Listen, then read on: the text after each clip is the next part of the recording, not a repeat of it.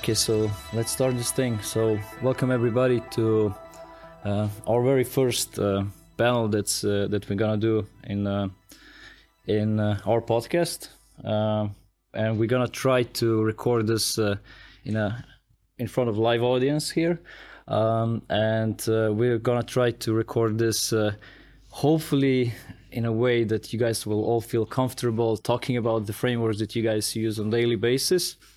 Um, and uh, we're gonna try to also show the world that this conference that we're now attending uh, can bring together experts in the, the field of Java and the, uh, the ecosystem around it.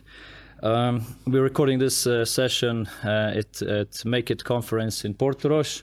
Um, the Make IT conference this year is uh, divided into two parts. One is more Oracle technologies, and one is what we call Open Blend with JCon, which is more Java and, and, and other technologies around it. Uh, so, welcome everybody to, to this panel.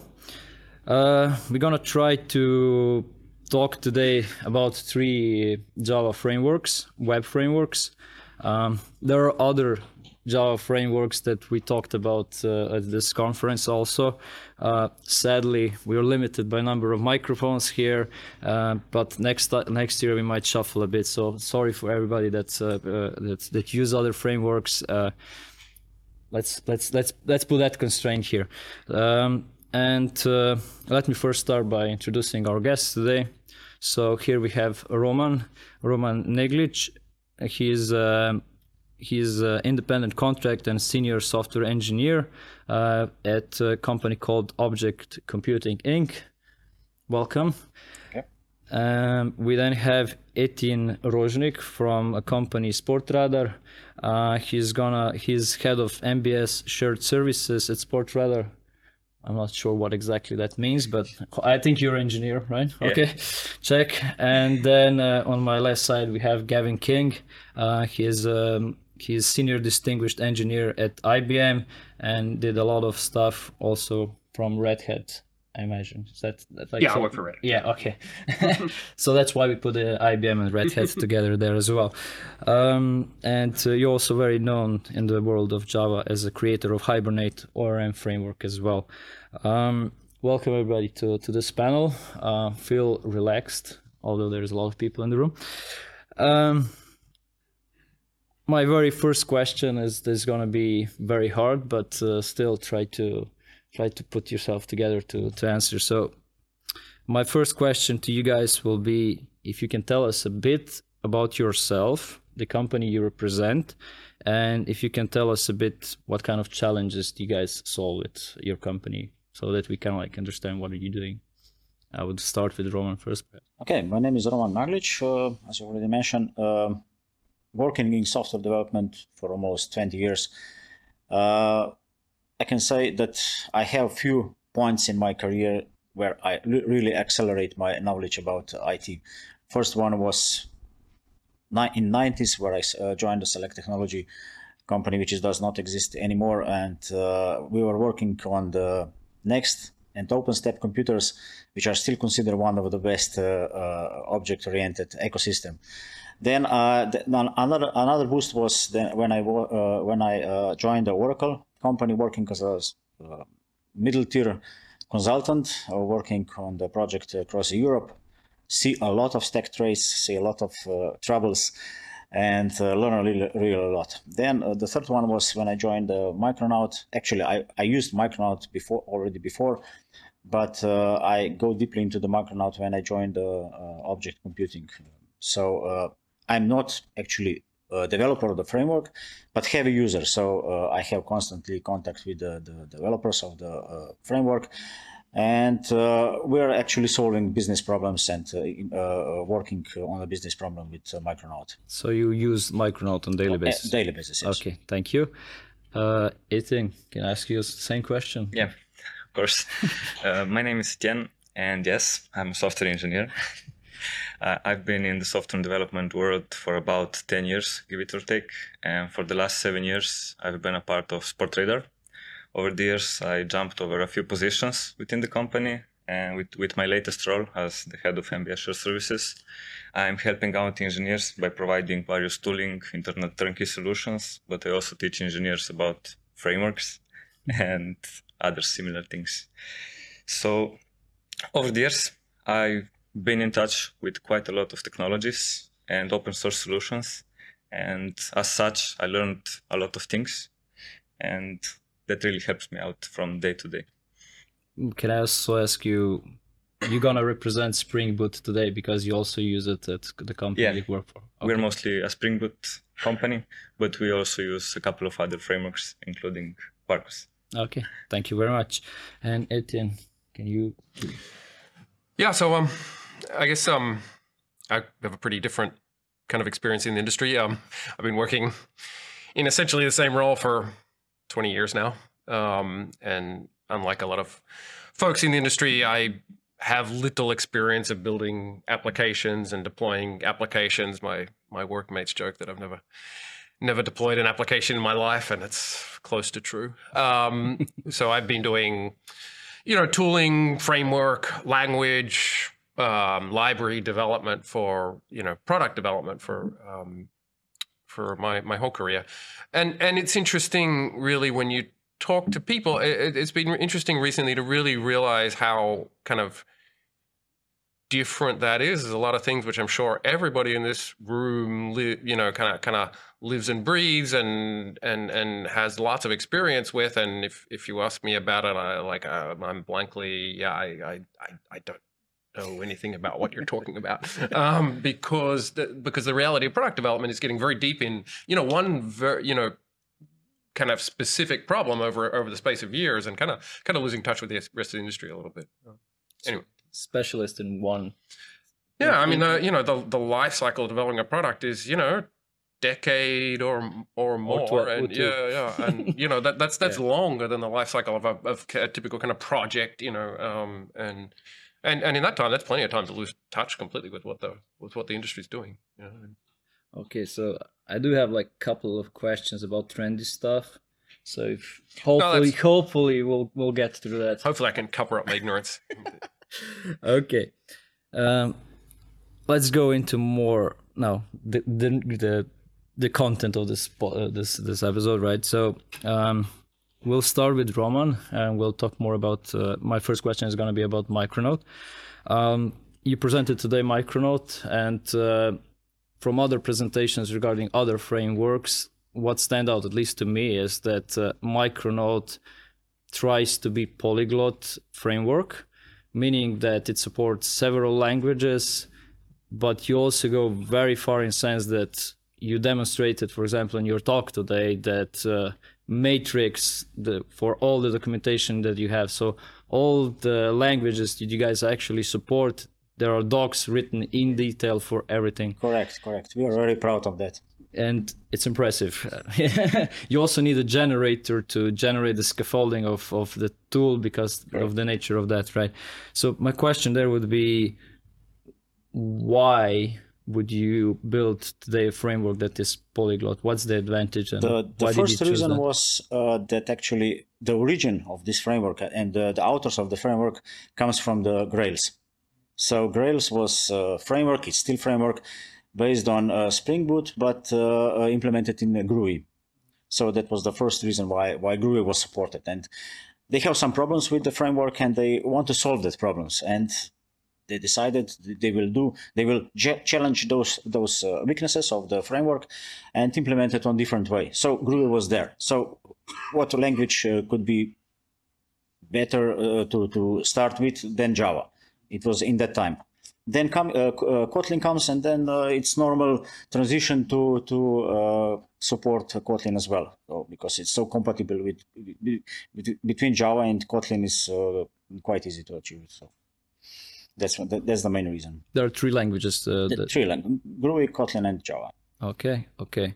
Um, yeah, that's the that, that's what what. Thank you for that. Um, okay, I'm gonna go now to to Quarkus and Gavin. So that's a question for you. Um, some some may say that like uh, traditional stack, um, like having big monoliths, one application server that serves a lot of traffic. That that these times are kind of like not suitable in this cloud environment where you have uh, very dynamic uh, loads where you go into per request serving all that stuff we're moving more into this serverless ecosystem where you want to have small functions that spin up and scale down all that stuff so that's my hypothesis do you feel that that's uh, still yeah so i mean look I, I think you know the whole you know cloud deployments have clearly been extremely successful, you know, to a greater extent than I had expected.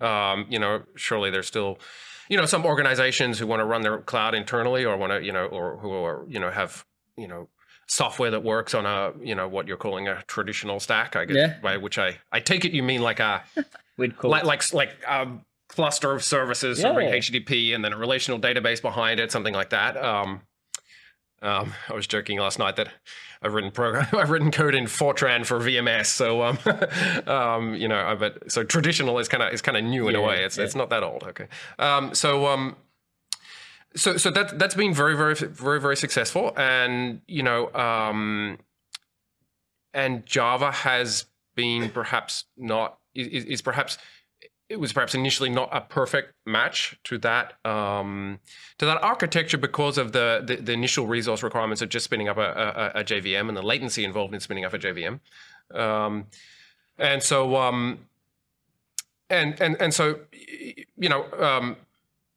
I, I don't, I don't want to get too, too far on down down that path right now. Um, you know, when you're talking about serverless and stuff, I, I'm not, I'm not really sure what that what word means. I kind of tried to ask folks yesterday what that means, and they, they were kind of like, well, you know, and then they give me a textbook definition of what a server is. Um, and then, you know, but apparently the thing is, well, yeah, it's infinitely scalable and, and, and all that. And I, I just want to, you know, kind of look, I, I don't know where, you know, I'm talking out of my area of knowledge here, but I, just want to caution a bit when, when, when, when, when we start talking about infinite scalability, there, there's this, there's this thing that happens in our industry, like where kind of every five years or so, somebody discovers that stateless services are really scalable. Right. Yeah. And, and, you know, yeah, right. And, and, and that's great. You know, that's great that your stateless service scales. And, and, and that's really great until you have a program and, and you want your program to have an effect upon the world. Right. And so when you're talking about stateless services, you're talking about um, pushing the limits to scalability somewhere else. Okay. So as soon as you need to access a database, as soon as you need to cache some data, as soon as you need to have divide up a workload into, into um, various parts which share some intermediate state between them or have some dependencies upon upon how the computation needs to proceed, or you know, um, or more exotic things. You need to run um, a, a part of your algorithm on a quantum device. You know, there's something like I don't know, order ten to the four qubits in the world at the moment, right? Or I don't know, you're you're you're you're you're running a, a, a shared world and you have players who need to who need to interact. Suddenly, I don't care how stateless your service is, you know, um, it's not infinitely scalable. Okay. Um, so I, I, you know, I just, you know, I, I know it's just picking on a word there, but Yeah. you know, I, I like, I'm, I'm always a bit, you know, like, like I feel like sometimes we focus too much upon that stateless service without, and, and when we should, or you know, we should be talking a lot more about state and how to manage state. And in these cloud, you know, what I think is really exciting about these cloud environments is is the extent to which is the advances which have been made in terms of scaling data, right? And and workloads which I wouldn't have thought would be natural for the cloud, things in machine learning and stuff like that. Like like naively, I would not have thought would be very natural. Like like this, like are moving to to these kind of cloud things. Um, um, I think I think yeah, I'll stop there. No, it's fine. It's fine. Uh, my question was more like correct. I completely understand, but uh, it you have a feeling that Quarkus, the development of Quarkus, is focused around being ready for this environment, being ready for Right. for, for So- you know so yeah, there I is you feel that it's tied to GraalVM to native images. Okay, so, we so, can so, so talk this- more for other frameworks. in This Yeah, well, I didn't want to like cut into their time. So, Yeah, that's fine. do, do you want me to answer that question? yeah, please do. Okay. Okay. So fine. So like, um, so so we we always want to, you know, it, it's a difficult messaging job on our part. Okay. First of all, Quarkus is not only a framework for GraalVM. Yeah. Okay. Or for a native compilation. Okay. It is the next generation of what was our server Java E t- technology, okay, um, re- reinvented for the modern era, okay. One of the things it does extremely well, and, and, obviously a big focus of development, is that is is is the need to be able to uh, you know spin up instances extremely fast in a, in a, in a, in a cloud environment, and that is enabled not not just not just by native compilation, but but more importantly, actually most of the work is not just on being able to uh, compile with for, for GraalVM, but in terms of being able to compile, uh, interpret, and, and and and compile a bunch of metadata into the image is deployed. So that if you start up Hibernate or something like that, you're doing that work at compilation time as part of the build step rather than doing it um, at runtime. I'm going to cut myself short. Yeah, yeah okay, cool. Um, Etien, you ready for next one? Yeah. okay. Um, my question is going to be regarding Spring. Mm. So, Spring, you kind of feel that it has transcended the world work word framework so it's more like the whole ecosystem of uh, tools and, and services and libraries and cloud offerings. And there's a lot of stuff regarding Spring. Um, so can you like, from beginner perspective, explain to us the difference between uh, Spring Boot and Spring Framework? Like what's in the whole ecosystem that you're most excited about? And can you tell us a bit more about that? Yeah, while the long answer would be very, very accurate, I would probably still forget quite a lot of things because, yeah. as you said, it's, it is really a long list of features that, frame, that the Spring framework offers. So, if we just sum it up, we can say that the Spring framework has those functionality available and you can use them, but there is a lot of boilerplate configuration which you have to do. Whereas with the Spring Boot, solution, a lot of that boilerplate gets done to the auto configuration functionalities. So what that brings to developers is that developers can start doing their business logic way sooner than with the Spring framework. Mm. There's a Micronaut Quarkus. I think they promote themselves that they're AOT ready, meaning that you compile all these things in advance and that helps build native images and all that is that still the case also with Spring Boot? Do you use these technologies also there? I'm not sure if it's. Mm. Well, to be honest, in the last year or so, I didn't give it a go with the Spring Boot AOT yeah. compilation. But last year, when I did the analysis and I was comparing Quarkus against Spring Boot, Spring Boot just wasn't there. Mm-hmm. But I know that since then, there was a lot of work done within the Spring Boot um, ecosystem on this. And the bottom line one year ago was that Quarkus is the clear winner mm. for, for ahead of time compilation. Mm. And that was mostly because Spring Boot dependencies just weren't there up yet, at least for the stack that I was looking for, mm-hmm. because I had a particular solution in mind that I needed to deploy in a serverless environment and I, and I wanted to do native compilations for the quicker bootstrap times. But yeah, as I said, that list of uh, dependencies that are now being supported by Spring Boot is being constantly updated. And I would suggest to developers when they're starting to think about going the Spring Boot AOT path, well, just check up that list and see if that list fits your needs and you have all the dependencies ready, because otherwise you're going to have to do a lot of manual work and configurations to enable AOT. Okay, thank you for that.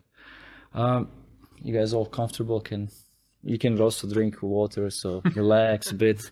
what a coffee, man! coffee, water stuff. Um, I'm gonna go now into next kind of like section of questions, um, and I'm gonna go to to Roman to you. Uh, my question is gonna be, um, you know, uh, modern systems now going more towards. Uh, you know, event-driven architecture, microservices, and uh, we need to then somehow connect uh, these services together, etc. And uh, my question is, or like an open-ended question is, can you give us some pointers, like how hard it is to use micro uh, Micronaut in microservices way, and like how hard it is to couple these things, I don't know, together with some broker like Kafka or something. Is is this part of the framework, or do I need to reinvent things around it? Can you tell us a bit more? Actually, uh, Micronaut uh, fully supports uh, uh, declarative clients for the Kafka and other messaging systems. So it's very easy to implement. For example, uh, just uh, define interfaces, annotate with topics which you are using, which you are wanted to to receive. For example, as a listener, and you will get messages from the Kafka. And uh, put the, uh, into the configuration a few uh, lines where where this Kafka server is located, and that's it. That's all what you need to be able to uh, receive messages. The same situation is with producers. So uh, we, we also support declarative producers and uh, you just call it thankfully for the AOT compilation where you when you build your application all this code is generated for you so you don't need to do anything uh, about that uh, there there is question if the event driven architecture is the right solution for coupling microservices because it brings some other challenges uh, how how to handle all this how, to handle transaction. Uh, what to do with this uh, that uh, actually i prefer there's there are other other event architectures as well. For for, for example event sourcing is one of them. Uh, event sourcing uh, i think when you have one source of truth and just save events save events which happened in the past and then recreate the state of the object from that events and that's perhaps a more appropriate approach how to handle event and driven architecture. Okay, thank you. It's it's it's, it feels like maybe just maybe just one comment. It feels the, too easy, you know. yeah, it, it's easy. But maybe one just comment uh, about uh, um, about framework and AOT compilation. Maybe all this is absolute uh, because Amazon, I think, uh, has all this CRaC functionality. You know, when you just uh, create an image from the uh, Java process and you just recreate it from the and it's instantly you know it's it doesn't matter if it run quarkus micronaut spring boot and uh, but what happens with actually uh, theoretically it's very good. I don't know practically because i didn't but what happens with if we go back to, to to to what gavin said what happens with states? For example you have a snapshot of you know current time yeah, okay, okay. Uh, snap uh, state is uh, uh, uh, preserved, so yeah. you, you get the last state when you uh, finish with your application. So I don't know if that's good or not. That's the, that depends on the situation, but mm. it looks promising. So, so my colleagues who've reviewed this quite carefully say not. Really? yeah. Okay. Yeah. I read about that. I, I never I'm used passing, it, but, I'm passing on that, that item of sure, information, sure. but they, but they. Sure, sure. Right, Alice? Yeah. Yeah. They say not. Okay. It's uh, an experimental world. yeah. Uh, thank you for your answer. Uh, I'll go back to Gavin now. Mm. So Hibernate is now 20 plus years old. Mm. Thanks for all the very hard work on that as well to you and your your colleagues. Uh, my question is still going to be related to Quarkus more a bit. So, is it today still a good idea to mix Quarkus and Hibernate together? Do you guys uh, like yeah, put a lot of effort into making it as easy as possible? Like how does this chemistry work? Right right right right. Yeah. i mean it's a great question. You know like when when um when i when i got you know called got the call to to work on quarkus um you know really really the thing that stood out for me and why why i'm you know not really doing data de- data development on quarkus but really came back to hibernate was was really the realization that that Hibernate and ORM was still super important to our to our you know developers on our platform, and that and that and and the other realization was that this project was 20 years old and had been very stable, and that meant a lot of cruft, right? Mm-hmm. So you know, really. I, I mean that, that was that was the uh, what the question you just asked yeah. you just asked me was a question I asked myself three years ago was you know are we are we in a you know is this something that we can really now you know it had been kind of like in a maintenance phase as part of why you know as an underlying implementation of JPA and you know WildFly. And and um and and and that was a question I, and, and really you know had to, we had to sit down and look at it and go okay you know we need to reinvent this um this because this is this is actually critical to what we're doing with Quarkus it's actually really important. And um and and and and the other side of this was that was that Quarkus, you know, we're, we're kind of late to the game a bit with with reactive, but you know, reactive was you know an important thing they wanted to have wanted to be able to support in Quarkus, and and you know nobody had ever heard of a reactive ORM, right? So mm. so we had to um, you know, um, make Hibernate reactive. That's quite hard with a, such a big code, ba- big old code base. Um, but we did it. Um, and, and, so that was a very, very interesting project. I mean, a, kind of unglamorous project going through and trying to figure out how you can clean up all these APIs and and and and fix all this craft and and and kind of make it bug-like behaviors that had developed over time, and that you know without breaking everything, you know, every single program. Um, anyway, But I'll. So no, no, it's fine. My I'm gonna do a follow up on this question, and and we in this conference we heard talks about uh, this project Loom.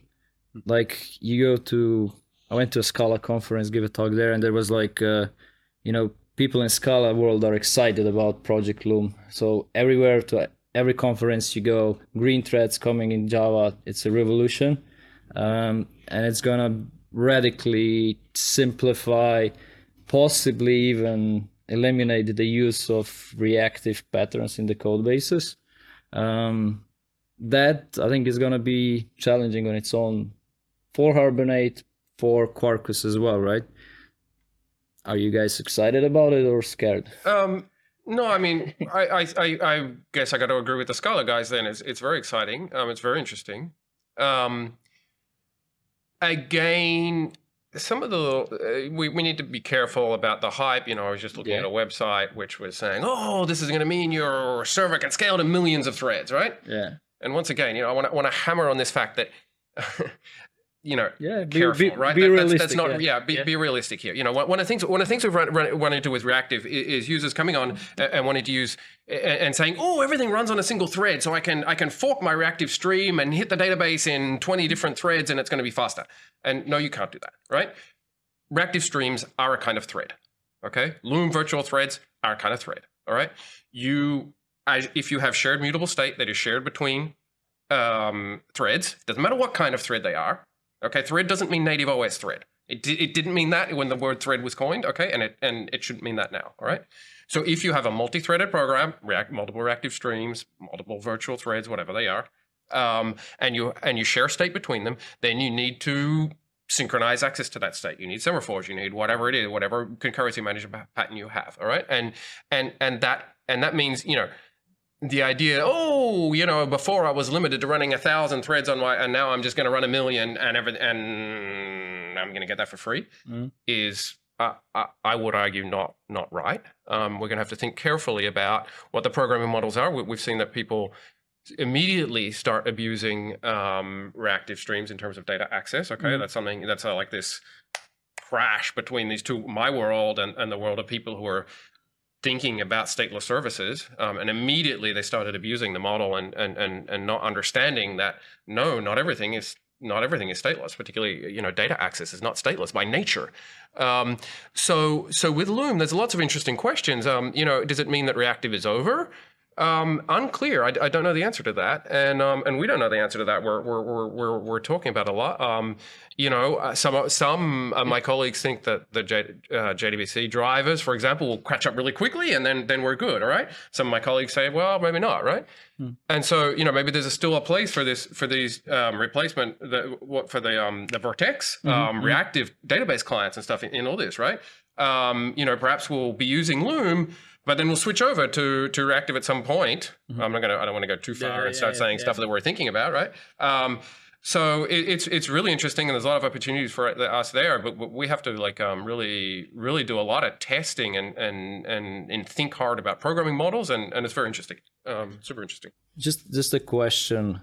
You guys, your frameworks, do they depend on Netty or not? Can you You can't make them depend on Netty. you can make them dependent, but uh, Actually, not. We can we can choose the engine, uh, Yeah. the web engine. So we can run it on the Tomcat. We can even uh, deploy it to the WebLogic server or something like that. So okay, So okay. yeah, it's you always still have the option. The same for uh, Spring Boot. Mm. I tested with Spring Boot. It Yeah, works.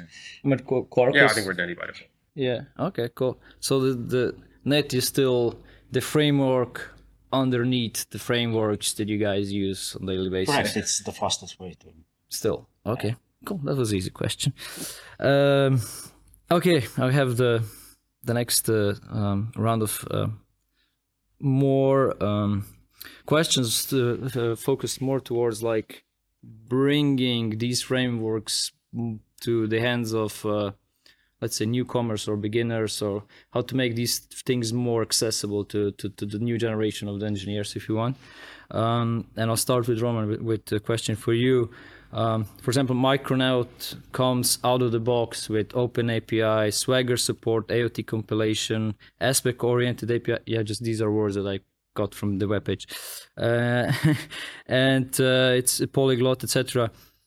But the question here I have is like, how hard it is to go from, for example, the demo that you had on today on, on, on your presentation to actual production environment. Can you like you have to do a lot more work than just like actually, does it no. help the framework Actually, no. Yeah. Gradle uh, Gradle plugin, uh, which is which comes uh, with Micronaut, supports all kind of uh, building uh, deployment images. So you can build native image, you can uh, uh, produce fat jar, you can uh, deploy uh, pre- prepare Docker, you can deploy uh, this Docker to the registry. Uh, so everything is actually quite easy to achieve. Uh, then the problem how to go to the to the production is more i think pros how how what is your process? How how your uh, code is testing uh, wh- from what stages to what stages it goes you know? And that's more important than how to prepare just binary. Binary is easy to let's just uh, uh, run uh, the, the the script and that's it. But you also offer support for uh, like different ways of injecting configuration flags etc as well. Correct, That- that- correct. you put a lot of effort into that. At least that that's how i feel with, that with simple with simple definition of micronaut environments uh, you said for example test a whole um, different stack of configuration uh, application configura- configuration can be used. So uh, it's easy to set for example even uh, it was deducted from the environment. So uh, when you deploy to the gcp it automatically if it exists application uh, dash gcp uh, uh, is used so now I think it, in the new version is not is not that anymore, and you have to specifically define in what environment it will uh, run. So that from that from technical perspective, it's easy. I said uh, uh, what I mean is more hard is uh, how to how to define the de- deploying process. Okay. Uh, question for you, Etien. Then um, Spring Boot has a very active community, um, and you also have courses, certification, aca- uh, academies also written on the page. There is a lot of resources around uh, uh, Spring, uh, and would you recommend people doing any of that? Uh, did you try it? Do you? You said you do work. Did you also work with people? You try to introduce them to frameworks with juniors. Like, do you use any of these resources? Do you contribute to these resources? There, is that the best way to learn, or YouTube videos or something? uh, learning is a core skill that every developer should really work on it because learning on how to learn new things is something that you master through your whole life. And every person has different requirements on how to learn new things. For some, it might be YouTube videos. For some, it might be reading a book. For some, might be attending a seminar or two in real life. Now, whereas the Spring Boot Academy, no, I didn't give it a go. And yes, I suggest to people to use online courses and YouTube videos or similar things to get a kickstart on their knowledge so they at least get acquainted with the system, what is going on, a few concepts, the terminology. But that is only a baseline knowledge. From there, engineers have to build on, they have to get or get their hands on code or the keyboard and they have to start writing code uh, to get so they get a feeling about the framework maybe write a unit test an integration test and really understand what are they doing and not copy things just from ChatGPT or similar stuff because while that might get them through a few problems at the end of the day they are engineers and they have to build chat ChatGPT and not use it Thank you. you. Prepared for this answer. right? You can sense it in your voice. um, I have a question then for for for Gary now. Um, the question is more like how to work with community, I guess, but like how can engineers contribute to a framework such as Quarkus or Quarkus specifically, if you want? And uh, can you give us a few practical tips where you think that people can contribute the most and how can they be like how can engineers that for example now use quarkus be useful to to to to quarkus developers or engineers Yeah, I don't know how to answer this question because it's something I've you know often wrestled with. Um, What kind I of mean, help would help you? Yeah, I mean, like, you know, and, and this, I guess, because the thing is, like, like the thing that would really help is if the people who are core developing the the the the, the framework, whatever it is, the library, were, had time to focus their energies on strategically important functionality and weren't absolutely overcome by a parade of small minor bugs right? So really you know if you want to you know if you're a if you're a, a contributor and you want to like help this this framework advance like the like the kind of work that would most help is completely unglamorous bug fixing Mm. right? The truth is that for obvious reasons very few um, developers are really that motivated to contribute unglamorous bug fixes. Um, and so instead, what happens is that people come along and they want to contribute some major piece of uh, piece of functionality, and and that that at times is great. All right, but um, you know, a framework, a library has a vision, a philosophy behind it, even if that sometimes is not necessarily that obvious to Mhm. to to you know there there there are there is a there is always a a, a, a set of belief and ideology behind it. That was the word I was looking for. And um and so very often we have we have people come in and they, and, and, and rather than posing a problem they pro- propose a solution right? And the solution goes against the ideology okay? And it is very hard for me as you know someone you know leading or whatever an open source project um, it is very hard for or maintaining i think that's the right word um, it is very hard for me to not just kind of knock that on the head as no that's wrong for all these reasons. I mean you do have to try and explain to people why it's why that's not what not going to fly not what we're going to do. And that rarely goes over well right? You know um, so what i try to you know what i often try to do is kind of explore okay what is it you know what was the actual real problem you were trying to solve? The number of times you know in my life as a software developer that people come to me with a solution instead of coming to me with a problem you know and i have to kind of drill down and, and, and by the time i actually get and discover what their actual problem was like they're they've had it with me because i've challenged all their ideas and and they're and they're upset with me right? Um you know and and so you know like i often feel like you know what i want to know is what are your pro what are your actual problems? You know like like like instead of you know like like like um you know anal- you know understand your, your your problem better and then come and you know and then talk to talk to us about the problem and, and you'll find when, when when you come to us with problems we're like super interested to know about new problems. If we didn't we didn't know the problem before. And then you know maybe we can we can work with you to design a solution which is which is coherent with the ideology and which fits with the other features and which you know can can um elegantly integrate with other things. Okay stop talking So uh, no, it's that's nice. So people should bring problems to you, and uh, they should fix bugs. Essentially, that's the. the- right. I mean, fixing bugs would be great. Like, like you, you laugh, but like that's actually what we, what your average open source project needs is people doing unglamorous, fixing shitty little bugs, right? Like, I'm sorry, Yeah. that's And that, what would help most. that's how they would also learn the framework Aha. and yes. understand. Yes, and learn how behind and the learn. scenes. Yes, right, and learn the ideology, learn the yeah. mhm. Solving bugs is hard. Yes. So Solving people bugs get out hard. of it, out of them quite a lot. Mhm. People should also like try to put more effort into reporting bugs. Like put more context into. Yes. Be friendly. Yeah. Respect people's time. People on the other side are sometimes mm-hmm. paid, sometimes not paid to. Yeah. Yeah, yeah, yeah. Yeah, the quality of the quality of how you report the issue which you're facing makes an enormous mm-hmm. difference to how quickly you will have a solution. And really, folks, the tip, probably not you guys in this room, but but the typical quality of a bug report I typically receive is mm-hmm. abysmal. All right, abysmal. Wait, Uh, what is that word? what is- Abys- Abysmal. Um, Bad. Well, these are more or less my my like this is these are the questions that I prepared for you guys more or less. But uh, I still have like the last round of questions for you. My my question is like can you name like one of the features that excites you the most in Java ecosystem and such, right? So what are you really looking forward in Java now and in the future? Like what excites you? So please, uh, Roman.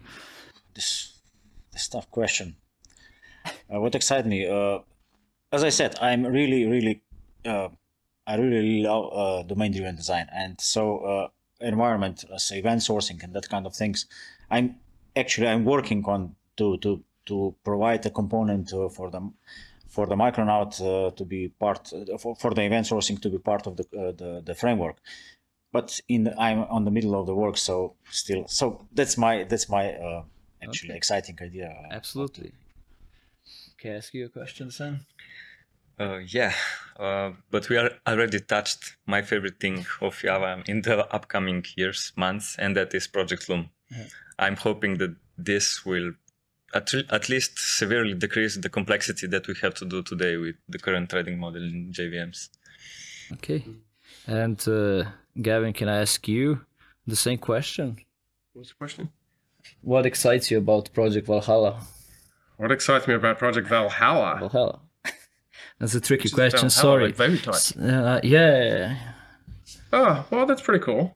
Um, I don't really like how they. I don't look over. It's been. I haven't looked at the most recent proposals. There, there was some things that I didn't like about the proposal from years and years ago. But um, Valhalla, Yeah, it's a like crazy... it's the, the like the I don't know, like, thing. I'm a Scala engineer. I don't know what you guys are doing these days, but Yeah, no, no. I mean, it's good. I mean, yeah, like uh, no, no. I mean, names, I think it's names, right? names are really catchy. no, Valhalla, like a- like a- Loom, Graal, like like name it's, it's cool. absolutely it's absolutely true that one of the you know like one of the critical th- things that limits your op- options with the, you know with with respect to implementing some kinds of algorithms on Java is is that you know every object requires garbage collection, right? So so I mean I think value types are like super important. Um, uh, but I haven't looked at the spec for okay, okay. probably years But, and years and years. okay, okay, that was tricky question. Not not, not, not, not, not good from my side, but uh, but still, like, wh- what are you most excited about the Java in next couple of years? Um, What excites you?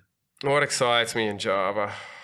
Not not by Look, man, you realize I'm like gonna be turning 50, and like it's pretty, it's pretty hard for a 50 year old man to be excited. Um,